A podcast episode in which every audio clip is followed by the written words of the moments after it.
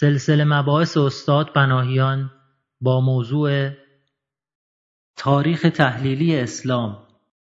جلسه چهارم. بسم الله الرحمن الرحیم. الحمد لله رب العالمین. و صلی الله علی سیدنا و حبیبنا ابی القاسم المصطفى محمد. الله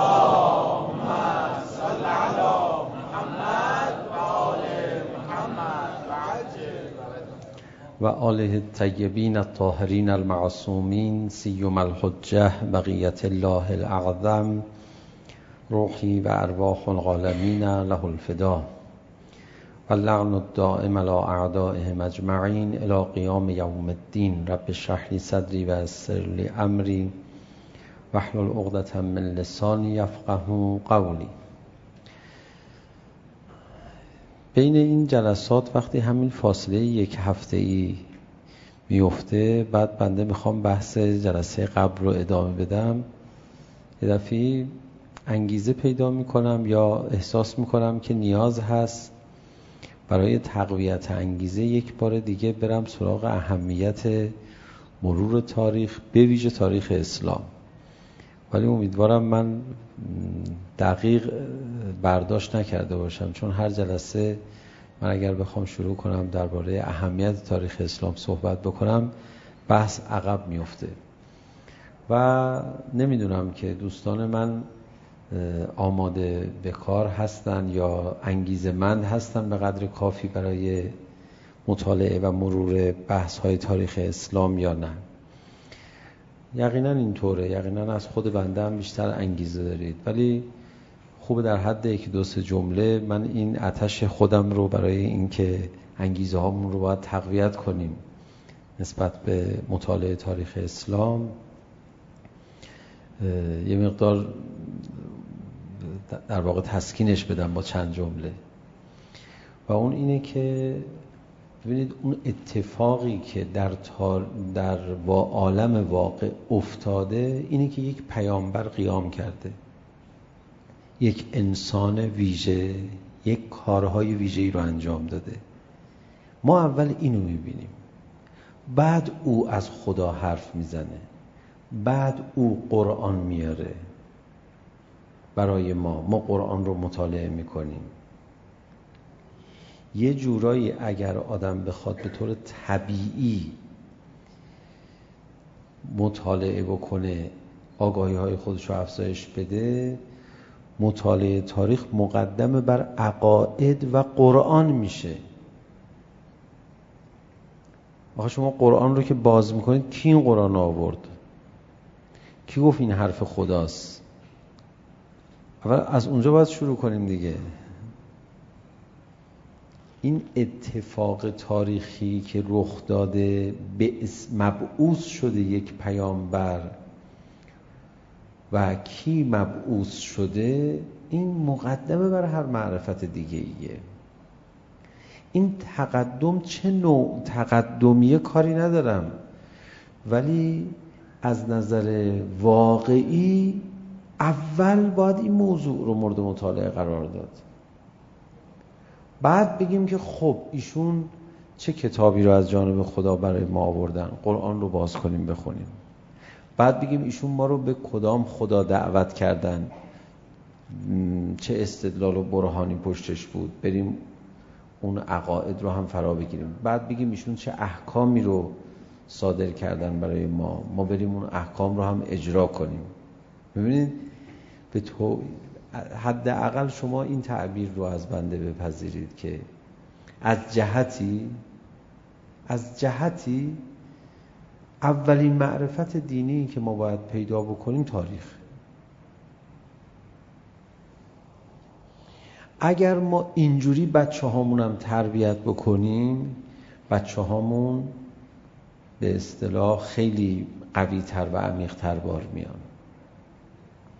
بنده دیدم کسانی که با تاریخ درست ارتباط برقرار میکنن معلوم معمولا هم از درایت بیشتر هم از سلامت بیشتر و هم از صلابت بیشتری برخوردار هستند یک بار دیگه این جمله‌ای که میخوام بگم قبلا رو فکر کنم گفتم و اون اینکه آقای بهجت رضوان الله تعالی علیه میفرمودن بهترین کلاس اخلاق چیه؟ شنیدید تو جملات آقای بهجت مشهور شده. بهترین درس اخلاق چیه؟ زندگی خوبان اولیاء خدا عرفا اینا رو بریم مرور کنیم ایشون اینجوری میفرمان آقازادهشون هم به بنده میفرمودن که معمولا ایشون نصیحت نمی‌کردن. میخواستن نصیحت بکنن. قصه زندگی یکی از خوبان رو بیان می‌کردن. ما میفهمیدیم که تو این یه نکته‌ای هست ما الان باید بگیریم. چرا آی بهجت می‌فرمایند که بیشتر از گزاره‌های توصیه‌ای گزاره های توصیفی از واقعیت زندگی اولیاء خدا در روح انسان مؤثره.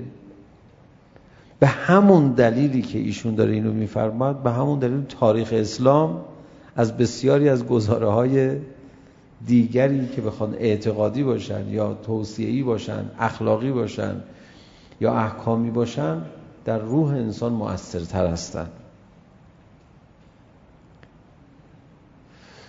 و یک جمله هم اضافه کنم دیگه دیگه بیشتر از این نگم. اونم این که شما وقتی که به کلمات امیرالمومنین علیه السلام در نامه 31 که جلسه اول با هم مرور کردیم نگاه میکنید ایشون میفرماد من اینقدر تاریخ رو دقیق خوندم و مطالعه کردم سرگذشت پیشینیان رو انگار با اونها زندگی کردم. انقدر این قوی بوده انگار اصلا یکی از اونها بودم. یا تعابیر خود امیرالمومنین علیه السلام هست که من شب اول برای شما قرائت کردم. ما میتونیم ازش یه الهامی بگیریم؟ که ما اینقدر باید تاریخ اسلام مطالعه کنیم انگار حضور داشتیم پای رکاب پیغمبر اکرم. انگار حضور داشتیم تو مکه. انگار حضور داشتیم تو مدینه. یه جایی داشتن دوستان کار میکردن. اطلس تاریخ اسلام رو ماکت مدینه و مکه و همه اینها رو وقایع و با تحقیقات مفصل تاریخی خیلی هم زحمت کشیده بودن. من با یک اشتیاقی رفتم ببینم. خب خیلی دوست داشتم که دقیقا درک کنم. هر چی بیشتر آدم وقت صرف کنه بهتره. اصلا انگار تو مکه بودی. انگار تو مدینه بودی. یه چشمه فیاضیه که هر موقع بخوای ازش میتونی آب برداری. خب من دیگه انگیزه سازی نکنم برای پیگیری بحث‌های تاریخ اسلام. همین مقدار کفایت بکنه. ما یه بحثی رو شروع کردیم. اول اومدیم گفتیم که مکه زیاد وضع بحرانی یا وضع بدی نداشته اونجوری که خیلی ها تصور میکنن. سر این نکته قرضهای زیادی بود که حالا به این قرضها یکی یکی خواهیم رسید. ما اگر برخی از مثلا شهرها و نمیدونم بلاد مثل هند و فلان و یه همچین موقعیت هایی رو که از ادیان گذشته یه چیزایی براشون باقی مونده بوده در نظر نگیریم واقعا باید بگیم که مذهبی ترین شهر دنیا بوده. به دین حنیف نزدیکتر از بقیه موقعیت ها بوده. چرا اینو گفتیم؟ برای اینکه بگیم حالا که اینجا آثاری از دین و مذهب توشون بوده آثاری از اخلاق توشون بوده اخلاقم من دارم امشب بهش اضافه میکنم. آثاری توش بوده حالا باید نگاه کرد چرا پس با پیغمبر مخالفت میکردن؟ میخواستن بکشن پیغمبر رو. الان خیلی زار میشه فهمی ما بحثمون اینجوری شروع کردیم. آزار آثاری از اخلاق برای دوستانی که احیانا تو بحث نبودن من فقط یه نمونهش رو اشاره بکنم. میفرمودن چی؟ اگر امیرالمومنین علیه السلام فرمودن اگه کسی یه زنی رو میزد تو نسلش هم رو شماتت میکردن. برو تو بچه اون هستی که دست رو زن بلند کرد.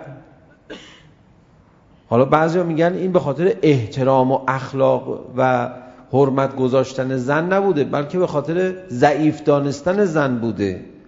خب باشه. یک کسی کسی ضعیف رو نباید بزنه این یک نکته مثبته. ضعیف کشی نکن. خب خود این یه نکته اخلاقی دیگه.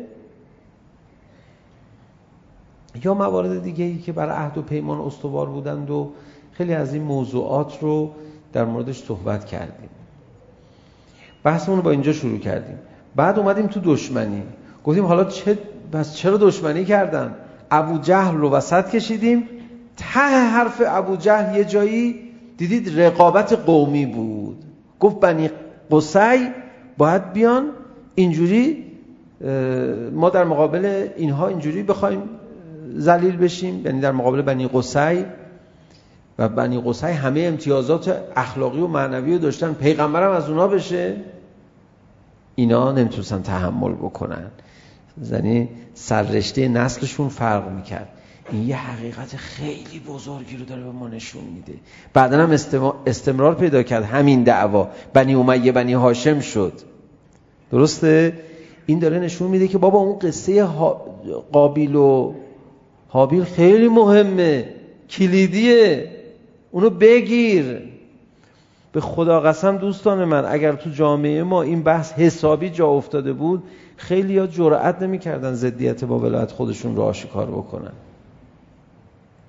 میگفتن میشیم قابل دیگه میشیم ابوجهل میشیم بنی امیه خب همینه آسمون بری پایین بیای همینه. ولی اینقدر طرح نشده این نکات اینقدر محوری بودن این حسادت برش تاکید نشده بنده الان در جمع شما جرأت ندارم توضیح کامل در این زمینه بدم. میگم حالا حرف میره بعد ما هم نیستیم دفاع کنیم. یه گوشش هم یه تغییری میدن. بیا و جمعش کن آقا اینو ببینیم علکی که نیست تصادفی یعنی آیه بعد ابو جهل بوده روحی شخصش این بود که کلا پیغمبر خوشش نمی اومد ایشون هم تصادفا اونجا پیدا شد مکه ولی مشکلی نداشت پیغمبر دیگه حالا دیگه گیر افتاد دیگه دین با درگیری هایی که با او پیدا کرد دیگه چه کنیم اینجوری اینقدر آدم احمقانه تاریخو نگاه نمیکنه بابا این اتفاقها حکمت داره من یه روایت شما یادتون هست از روز اولی که ما تو این جلسه الان باید یک سال و چند ماه باشه یک سال و یکی دو ماه باید باشه رو قصه حابیل و قابیل کار میکردیم بله بذارید حالا من تو بحث قربانی اونجا دیگه از یه زاویه دیگه مراجعه کردیم حالا الان تو بحث تاریخی من به شما بگم یک روایتی هست که میفرماید جهنم شش نفر هستن که تو قعر جهنم هم. دیگه اینا دیگه بدترین های ته جهنم هم. شیطان نفر پنجم یا ششمشه؟ اینجور که بیادمه نفر اولش کیه؟ قابیله. قابیل داستانش ساده نیست.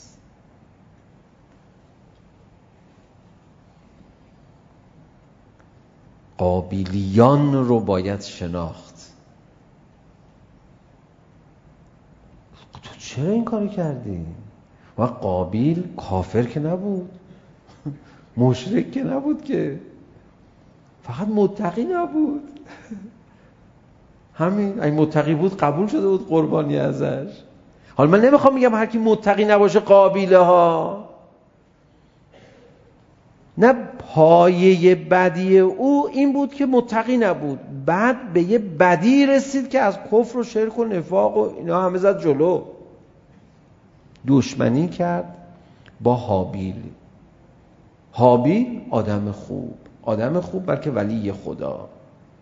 و قابیل ظاهرا برابر برخی از روایات که هست فهمیده بود که حضرت آدم علی نبینا و علیه و علیه السلام به حابیل توجه داره. یعنی ایشون پیغام، پیامبر بعد از او هستن. بعدها وقتی که یکی دیگه از پسران حضرت آدم شیس حالا گفته میشه اومد فعالیت نبوت انجام بده قابل رفت پیش گفت ببین من همونجور که حابیل رو کشم تو رو میکشم. این نقل هست. لذا حرف را بزنیم. من نمیتونم تحمل کنم من میدونم پدرم میخواد تو رو جانشین قرار بده در این نقل هست که در جریان تاریخ قصه نبوت پنهان بوده تا زمان حضرت نوح تقیه دست این قابلیان قابلیان کی بودن؟ بودپرست بودن؟ نه با بودپرستی چیه؟ حسادت اوریان داشتن نسبت به حابیلیان اینا اون نقطه های تاریخی است که ما باید خیلی نگاهش بکنیم. به درد کجا میخوره؟ به درد هزار جا میخوره. حالا شما فقط نگاهش بکن فعلا. خودت هم میتونی خیلی از درمان ها رو از این دارو استخراج بکنی. بریم جلوتر. بعد اومدیم گفتیم که سر حسادت البته من میخواستم بیستم و مفصل با هم دیگه صحبت کنیم. گفتم نه فعلا باشه. ما الان چند تا به اصطلاح موضوع رو مطرح میکنیم. میریم جلوتر تا ببینیم که به کجا میرسیم. سر حسادت بخوایم صحبت بکنیم که بحثمون میشه بحث اخلاقی. فعلا تا همین مقدار بمونه. بحث مفصل تاریخی حسادت رو هم بگذاریم. برای بعدن یه نمونه از زبیر گفتم. یه نمونه از بالاخره اینجور موارد. شما هم بهتر از من خبر دارید اینا رو.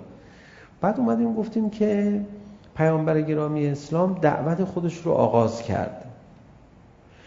دعوت پیامبر گرامی اسلام حدود سه سال یا بعضی ها گفتم یعنی بعضی از روایت ها هست که پنج سال. ولی مشهور سه سال هست.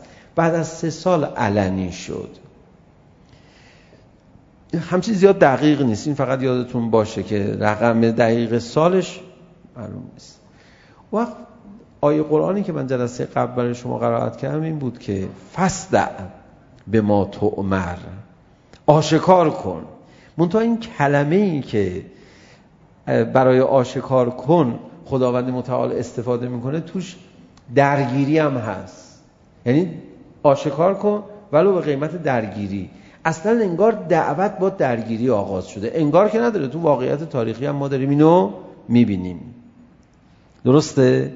ما باید سر چرایی این به اصطلاح تعمل بکنیم که پاسخ محوری ما حسادته ولی حرف که تموم نیست. حالا تازه کار داریم. حالا تازه اول ماجراست. قصه اینجوری بوده. خب حالا من میخوام یه بحثی رو امشب برای شما عرض بکنم یه دقتی بکنیم. یک کمی بیاد عقبتر. آقا مکه شهر همچی زیاد کفرانی نبوده بله بت پرستی رایج بوده. بت پرستی به این معنا بوده میگن خدای ما هستن ما رو خالق خلق کردن. میگفتن شما شفیع بشید. خب بیخود میکردن. اینم یعنی بده. اون بت باید شکسته بشه. ولی اینجوری نبوده. میگه این خدای منه. مثلا این همچی شرایطی بوده. ولی خب یه علائم و آثاری از مذهب بوده. علائم و آثار از مذهب بوده. اونجوری کشتن پیغمبر رو یعنی میخواستن بکشن پیغمبر رو. بله دیگه برو علتشو بیا. اینو گفتیم بعد گفتیم حسادت بعد گفتیم اصلا دعوت با درگیری. حالا برگردیم یه کمی عقب‌تر. پیامبر گرامی اسلام اولا دلم براتون بگه که اوائل اصلا دعوت نمی‌کردن. فقط خودشون مبعوث شده بودن به نبوت. کسی ازشون سوالی میکرد توضیح میدادن. با علی ابن ابی طالب علیه السلام و حضرت خدیجه کبرا سلام الله علیها نماز میخوندن. در برخی از نقل ها از تو این سه سال کسی غیر از این دو بزرگوار اصلا مسلمان نشد. برخی از نقل ها اسامی دیگری رو هم اضافه میکنن. یکی از مسائلی که اینجا باید خوب بهش توجه بکنیم اینه که چرا پیامبر گرامی اسلام دعوت حتی نمی کردن بنابر برخی از نقل ها بعد که امر شد دعوت رو شروع کردن. برای اینکه کسانی که بدون دعوت میپذیرن حق و بیان. این اینا یه گروهی هستن. متاسفانه تاریخ تو این زمینه یه ابهاماتی داره. از بس امتیاز شد بعدن برای کسانی که زودتر ایمان آوردن دیگه همه اسمای خودشون آوردن جلو گذاشتن. نه ما همون اول ایمان آورده بودیم. ما زودتر از فلانی. اینقدر اختلاف نظر هست که دیگه ما خودمون رو دردسر نمیندازیم بریم جلوتر و تو این زمینه ها بخوایم دقت کنیم کی اول ایمان آورد. ولی مشهور یکی از اولین کسانی که ایمان آورد ابوذره. حالا ابوذر شیوه ایمان آوردنش چجوری بود؟ چقدر بحث کردن با هم دیگه تا ایمان آورد؟ ابوذر بدون بحث ایمان آورد. نگاه کرد پیغمبر آقا شمایی اون آقا؟ بله ما ایمان آورد اصلا اومد مکه که دنبال ایشون بگرده. مهمان خانه علی ابن ابی طالب شد. بعد از چند روز اطمینان پیدا کرد به یعنی احساس آرامشی کرد از امیرالمومنین عرضه داشت که آقا شما میشناسید اون آقایی که مبعوث شدن؟ فرمود بله من میبرم پیش ایشون. رفت و نه چک زدیم نه چونه. عروس دین و ایمان اومد تو خونه قلب ما. اون چند سال اول بعضی اینجوری ایمان آوردن. حالا جمله امیر المومنین علی علیه السلام دارن درباره همون درباره همین نکته. میفرمان فعجب تو رسول الله صلی الله علیه و آله و سلم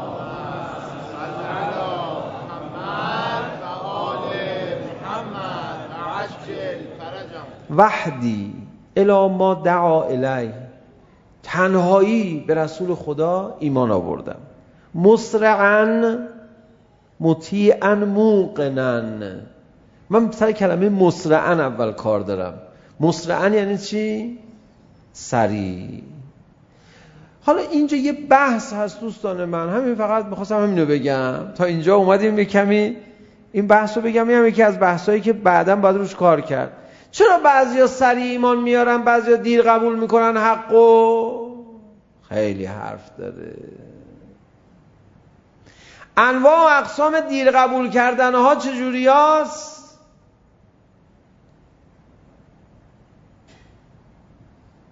زیاد هم نمیشه الان تو این زمینه حرف زد. ولی ما داریم تاریخ اسلام میخونیم ما. مباحث نظری که بعضا تورم پیدا کرده بیش از حد اهمیتش رو اینجا مرور نمیکنیم. ما داریم تاریخ اسلام مرور میکنیم. آقا بعضیا تو هوا میزنن. فه میگه میگه فرحزاد ولی بعضیا هر چی استدلال میاره میگه سب کن فکر کنم. من نمیخوام بدون منطق چیزی رو قبول کنم. میدونی؟ آره میدونم. ارواح همشیر عبوید مسئله اینه آقا شما این حرفو میزنی آدمو میترسونی. دیگه آدم دلیل نخواد. برای همینم من دیگه نمیزنم این حرفو. ببخشید اصلا تا الان این حرفو رو زدم. راست میگه خب؟ درست میگه؟ ما نباید یه جوری حرف بزنیم مردم پس فردا هر حرفی شنیدن قبول کنن بدون دلیل. ولی ببین اگه حرف حق بود زود بفهم حالا من کجا بفهمم که حرف حق بود؟ خب آقا بحث نمی کنیم خوبه؟ بالاخره این یه واقعیت عزیز من. بعضی ها اینقدر زمیر پاکی دارن حق رو به عیان انگار شهود میکنن. خودش بدون دلیل میپذیره ولی هزار تا دلیل میاره و درستم هست. توجیه نمیکنه. بله آدم بد هم بی دلیل میپذیره بعد هزار تا دلیل میاره علکی برای دفاع کردن از راه باطلی که انتخاب کرده. بله بله اینجوریه درسته. این مثل لبه تیغ راه رفتنه. بحث سختیه این. نمیشه زیاد مطرحش کرد. اما اول قرآن هم خداوند متعال همینجوری بحث میکنه. میره سراغ قلبه های مریض و قلبه های مؤمن متقین کیا هستن؟ الذین یؤمنون بالغیب. کسانی که ایمان میارن به غیب. بعد جلوتر بل ولی بعضی ها هستن که فی قلوب مرزون خدا هم اول قرآن همینجوری بحث میکنه.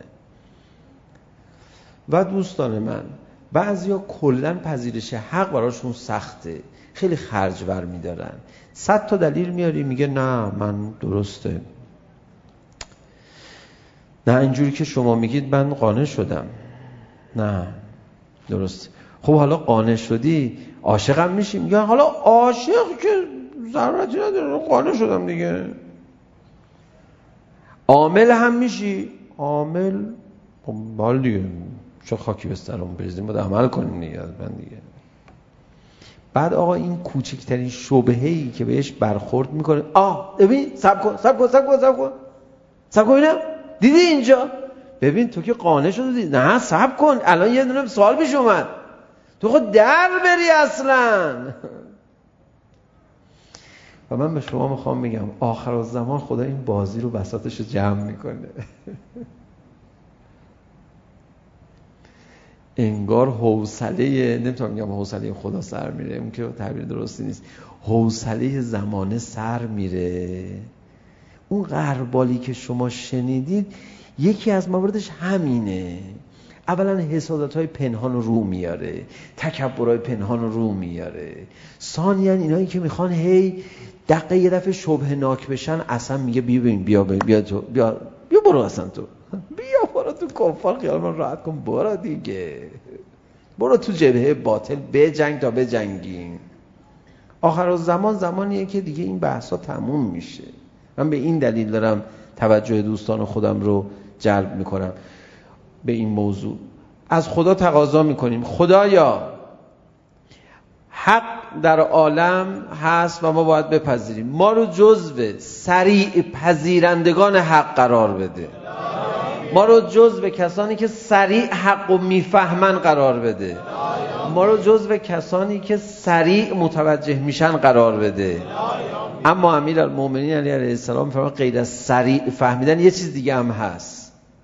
مسرعا مطیعا موقنا لم یتخالجنی فی ذالک شک کن بعضی ها زود میپذیرن اما جوگیر شده زود پذیرفته دو دقیقه بعد سرد میشه برمیگرده امیرالمومنین میفهمد من سریع پذیرفتم هیچ وقت شک نکردم قبل از اینکه بفهمد هیچ وقت شک نکردم سریع پذیرفتم یقین پیدا کردم اطاعت هم کردم با تیب خاطر و هیچ وقت هم شک نکردم.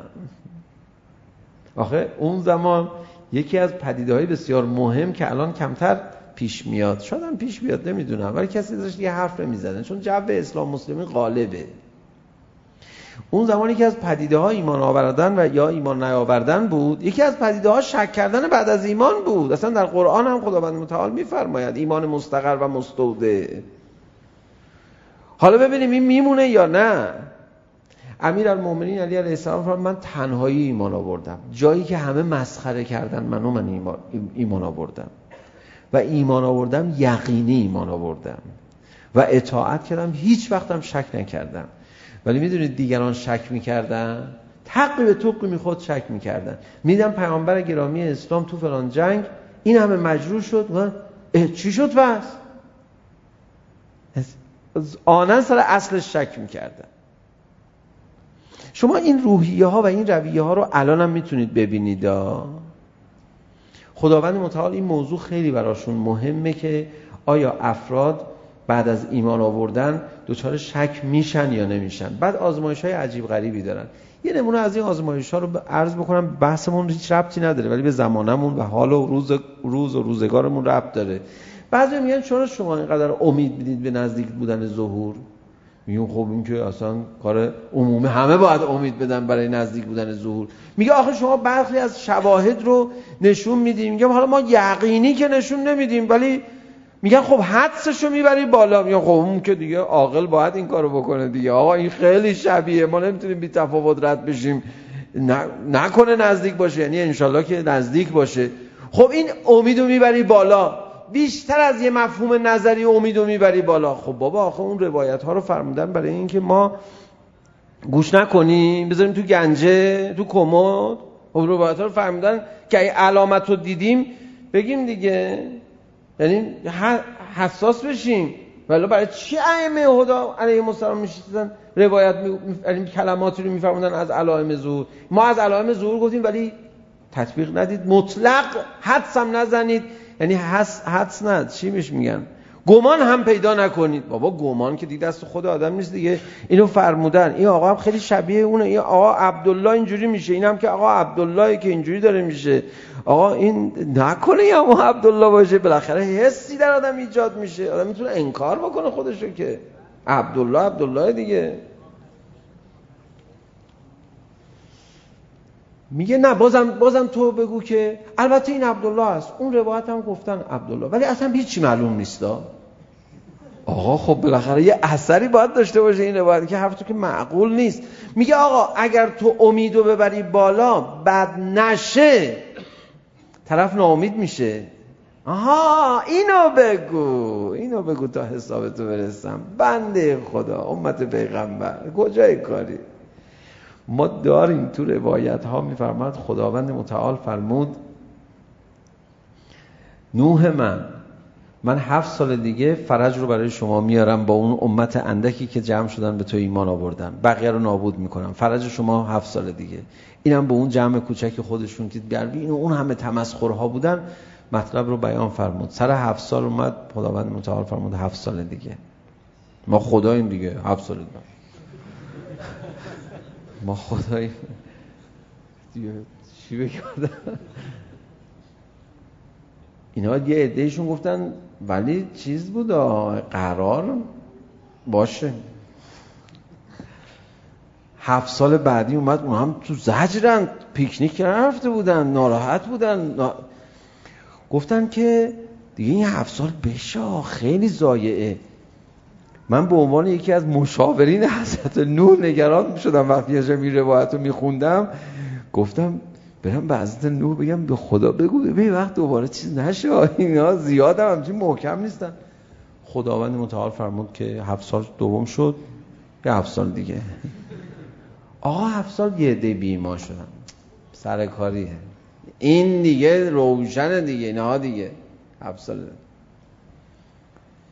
سر کاری. بابا سر کاری نیست. خدا هست. همه چی خدا خواسته بده حاصل شده تغییر حاصل شده. نه بابا چی داری میگی آقا تو رو خدا خدا یه چند نفر رفتن ما چند نفر بودیم که چند نفر رفتن حالا این نمایش نامش اگه کامل اجرا بشه خیلی معرکه است من نمیتونم اجرا کنم خدا دیگه چی نشه ها باشه ما هر چی که شما بگی هفت سال سوم تموم شد خدا فرج هفت سال دیگه یه عده دیگه رفتن هفت سال دیگه آقا تا شیش مرتبه این تکرار شد کسی نمونده بود یه چند نفرم نمیم دیگه مونده بودن میشد شمردشون یا نه گفتن ولی اونا گفتن که عقب افتاده باش دیگه کسی نرفت هفت سال بعد که شد خدا امتحاناشو کرد کاراشو کرد خالص سازیشو انجام داد قربالشو انجام داد بعد فرمود بیای فرج باران اومد و کشتی سوار شید بریم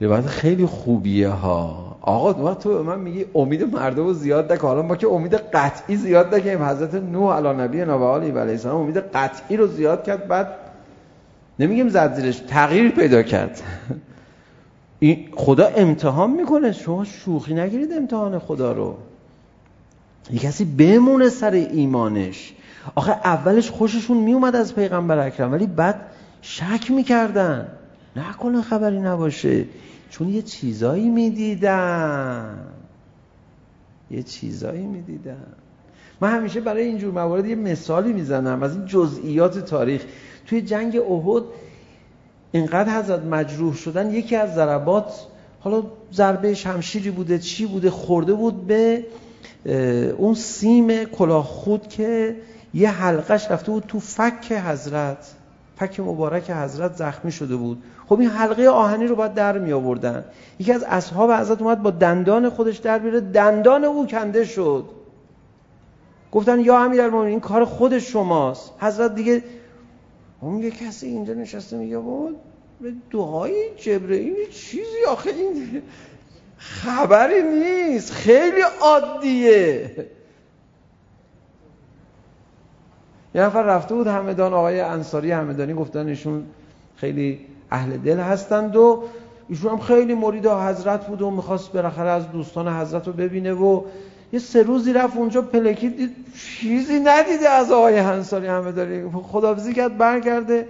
آقای انصاری فرمودن که خیلی خوب آدم دنبال امام زمان علیه السلام بیاد یا یاران و دوستانش باشه. ولی نه با اینکه 20000 تومن پول نقد تو جیبشه در حالی که خیلی ها بهش احتیاج دارن. خداحافظ شما. این تو رام یه احراس میگه من 20000 تومن تو جیبم. حالا ما زمان تاغوت این قصه. مثلا بود 40 سال پیش شاید نمیدونم چند سال پیش. زدش دیگه. چی میخوای ببینی مثلا؟ خب می اومدن رفتار پیغمبر اکرم رو میدیدن. از ما سوال میکنه. تو یکی از جنگ ها بذارید حتی عرض بکنم تو مسیر بازگشت از کدام جنگ بود به مدینه؟ حضرت شطورشون رو گم کرده بودن. داستانی شد. هی میگشتم این شطور من کجاست؟ برگشتم منافقین گفتن که بیا شطورش رو گم کرده من راه آسمان ها و زمین و اینا رو بخواد به ما نشون بده. میگفتن.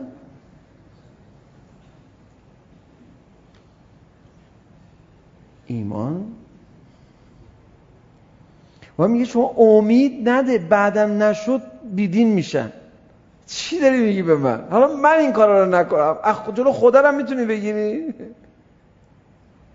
خدا میخواد ایمان ها رو امتحان کنه آقا جون دو تا موضوع هست کی ایمان میاره کی پای ایمانش میمونه واقعا تاریخ رو مطالعه بفرمایید از آن میفرمایید ایمان مفهوم پیچیده یه نمیشه به این سادگی شناختش یه مثال دیگه هم بزنم که اون روایت خیلی تک افتاد. یه روایت های عجیب غریب نقل میکنه. آقا اینجا عجیب غریب نیست. یه روایت دیگه هست میفرماید که در زمان یکی از انبیاء گذشته اینجور که یادم هست نام اون پیامبر در این روایت شریف نیست. حالا شاید حافظه من یاری نمیکنه. بچه ها دوستان می نویسن این مطالب پیاده شده رو با روایاتش میذارن رو سایت. بعدا شما مراجعه کنید با متن کامل روایات که یا پیش من هست یا نیست از حفظ میگم اونجا میتونید ببینید. گفتن که چی بنا شد که 200 روز دیگه مثلا یا یه عددی شبیه به این فرج حاصل بشه برای یاران اون پیامبر. بعد یک هفته یا چند روز مونده به اون 200 روز ندا آمد از جانب خدا این 200 روز شما شد 200 سال. اونا برگشتن گفتن حرفی نیست. حالا ما که دیگه عمر اون کفاف نمیده ولی بالاخره ما هستیم. هیچکی نرفت. چند روز بعد وحی اومد پیامبر من چون ایمان مردم تو خوب بود همون دویست روز. اینا که اینا یعنی چی؟ یعنی خدا خیلی جدیه سر امتحان. امیر المومنین علیه السلام فرماد هیچ نکتهی تو دل منم پدید نیومد بله خیلی جوگیر میشن میان الان بعضی از این ضد انقلاب های خیلی محترم رو نگاه بکنین یا این کسانی که ضد ولایت هستن ضد ولایی های نیمه محترم حالا ضد انقلاب شاید بشه گفت محترم ضد ولایت نمیشه زیادم به شوخی هم احترام گذاشت اینا رو شما نگاه بکنی یه زمانی کاسه از آشتاختر بودن. من اسامیشون تو ذهنمه که بگم کی؟ یکی از کسانی که میگفت ولایت فقیه استمرار انبیاس. کی بود اینو میگفت که الان سرگروه و نمیدونم پیر خیلی از کسانی است که ضد ولایت عمل میکنن. خب این چه روز اول اینجوری اومد؟ جوگیر شده بود. امیر المومنین میفهمم من روز اول اومدم جوگیرم نشدم. یقین داشتم یه ذرم شک نکردم. وقت اونم تو اون شرایط. الان مسلمان شدن آسونه. به همین دلیل امتحانهای بعدش سخت میشه. در ارتباط با دانشگاه دیدید چجوری میگن؟ میگن کنکور رو بردارید ترمه ها رو قبول شدن و مدرک گرفتن رو سخت بگیرید. امکانات باشه معقولش اینه دیگه. کنکور چرا فشار میاره کنکور فشار میاره بعدش که درس نمیخونه بعد از کنکور معمولا یه افت تحصیلی هست کنکور رو بردار و هر کی میخواد شما بخون بخون این ترم اول میتونی امتحان بدی امتحان دادیم این ترم دوم میتونی امتحان بدی معقولش اینه الان هم همینطور شده الان ورود به اسلام آس... آسون شده خب پس معلوم مدرک گرفتن سخت میشه دیگه قاعدشه هرچی میریم جلوتر ورود به اسلام آسونتر میشه. از هر من الشمس است که اسلام حق میگه. از هر من الشمس است که باطل بطلان خودش رو ثابت کرده. از هر من الشمس است که استکبار جهانی حرف مفت میزنه میگه من راه دارم برای نجات بشریت. از هر من الشمس است که تمدن غرب رو به فروپاشیه. از هر من از شمس است که اسلام یه ذره یه ذره خودشون نشون داده تو جامعه ما چه رونقی ایجاد کرده از هر من از شمس است پس این کنکور برداشتن دیگه یدخلون فی دین الله افواجا بله خب الحمدلله حالا امتحانات بعدش سخت میشه بنده از نسلی هستم که هر دو زمان رو دیدم یه زمانی تو تهران بچه مذهبی میشدی از دم شراب فروشی ها که رد میشدی تیکه هایی که بهت مینداختن فوش هایی که بهت میدادن ملس بود و میچسبید و اصلا بعد از انقلاب من میگفتم قال علی علیه السلام با این مارکسیستا بحث میکردیم میگفتم آقا تو هم برای خرافات میگی ما داریم بحث علمی میکنیم با تو. قال علی علیه السلام این حرفات چه میزنی؟ بعد از انقلاب بود اینا. الان دیگه تو دنیا کسی جرأت داره بی احترام میکنه به امیرالمومنین به معنای مثلا طرفداری از علم بیاد اینا رو بگه خرافات؟ ورودی آسون شده خروجی مشکل شده. پس خروجی مشکل شده. خب دوران دعوت اولش چرا باید آرام و بی سر و صدا باشه؟ تا اونایی که ظرفیت دارن سرعت خودشون نشون بدن اینا قیمتی هن. البته بودن کسانی که اول هیجان زده شدن بعدا وضعشون خراب شد و بعد بودن کسانی که از همون اولش هم با قصد و قرض اومدن. یه نفری که اسمش عمدن یادم رفته اومد مکه گفتن میدونی چی شده؟ پسر عبدالله ادعای پیغمبری کرده گفت میدونم. آقا چیکار کنیم؟ این جدی نشه قصهش. گفت واقعا من میخوام برم ایمان بیارم. گفتن برو تو این کار نیستی تو از خودمون یعنی چرت پرت نگو. گفت نه من شنیدم بررسی کردم تازه از شام اومده بود. گفت من بررسی کردم ایشون کارش میگیره. هر کی زودتر بره نونش تو روغنه. من میرم که نونم تو روغن باشه. مثلا تو تاریخ اسمشو معمولا جزو اولین ایمان آورندگان می نویسن یادم هم رفته متاسفانه اسمش. البته اینو شوخی کردم. بله اینجوری هم بوده که حالا به اینش کاری نداریم. پس این موضوع سرعت پیدا کردن برای ایمان به حق رو در نظر بگیرید. بعد اینها نیرو میشن برای پیامبر گرامی اسلام که من انصاری الله رو حضرت بفرماد تا ما به اون قسمت برسیم طول میکشه. یه بحثی رو دیگه یه بحث دیگه رو می‌خواستم امشب بگم. دیگه رحم میکنم. زیاد بالاخره تصدیق نمیکنم. فقط موضوعش رو بگم یکی کمی روش فکر کنید تا جلسه بعد. راستی پیامبر گرامی اسلام اولش که دعوتشون رو شروع کردن با چی شروع کردن که دعوا را انداخت؟ قیمت اونایی که اول ایمان آوردن رو درک کنیم. من یه نظر بدم. آقا به من اجازه بدید نظر بدم. آقا از جیبم در بیارم این حرفو. اگه اجازه بفرمایید. من سعی می‌کنم تا الان از جیبم حرف نزنم. ولی یه دونه آقا از جیبم در بیارم چی میشه. بالاخره من پیشنهادم اینه که پیامبر گرامی اسلام اول که شروع میکنن از اخلاق و انسانیت و بردهداری و برده نداری و اینا شروع کنن. بعد به اون بحثای توحیدی و نمیدونم عبادی و اینا برسن. من پیشنهادم اینه. مثلا دعوت کنم به انسانیت نه به اسلام. بعد که خب تو اون جامعه مذهبی دعوت میکنن به حالا دیگه بالاخره انسانیت آقا چرا دختر زنده به گور میکنی؟ من الان فقط اومدم دختر زنده به گور نکنم حرف بدیه مگه؟ اینقدر کارش میگیره. من من نظر بخوام بدم و ممکنه اینو بگم. میگم ببین ما یه دهه میریم یه جایی منبر هیچ تحویلمون نگیرن. اولش شروع میکنیم چی صحبت میکنیم.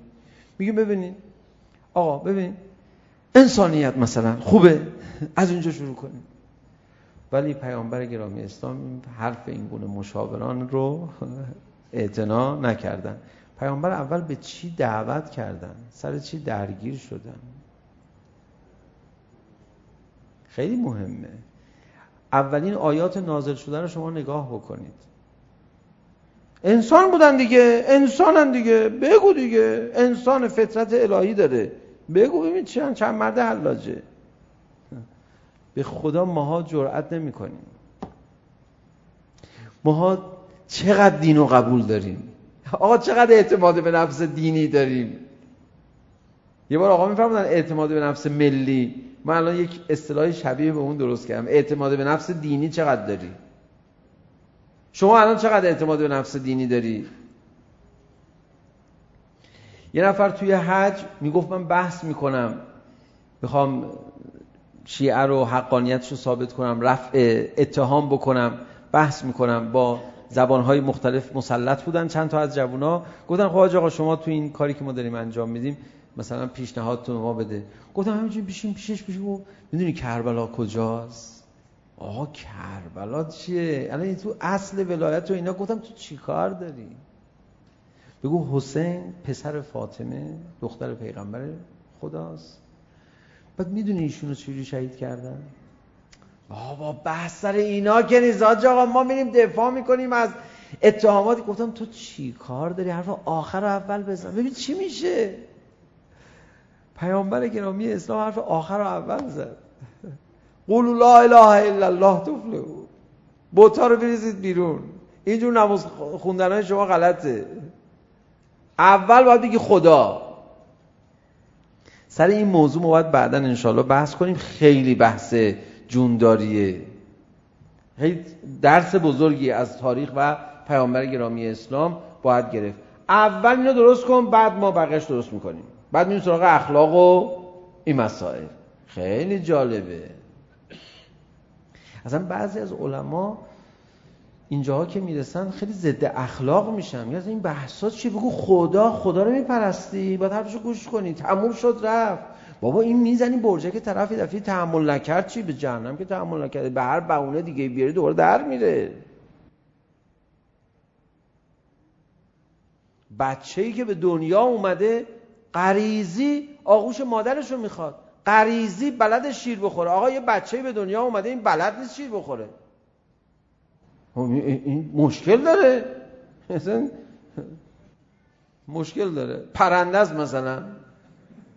دونه باید بهش بدید چی کار باید بکنی؟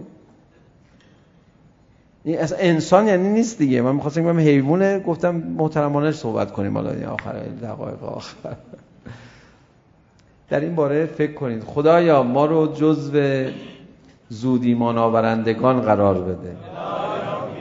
خدا ما رو جزو جوگیری آورندگان قرار نده.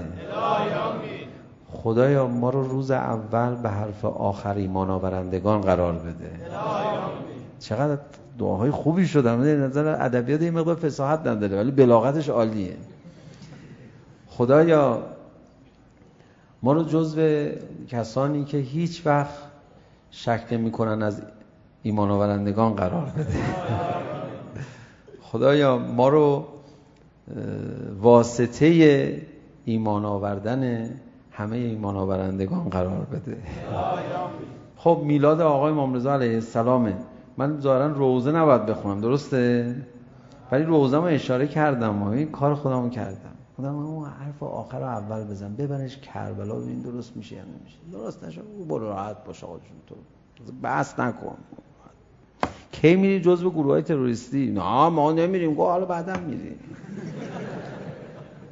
راحت باشید اصلا سر حال سر کیف. کی میخوای بری؟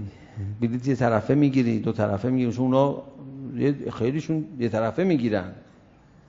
البته همم هم تروریست نمیشن ها چون بعضی ترسو هن. ترسو باشن نمیرن جلو.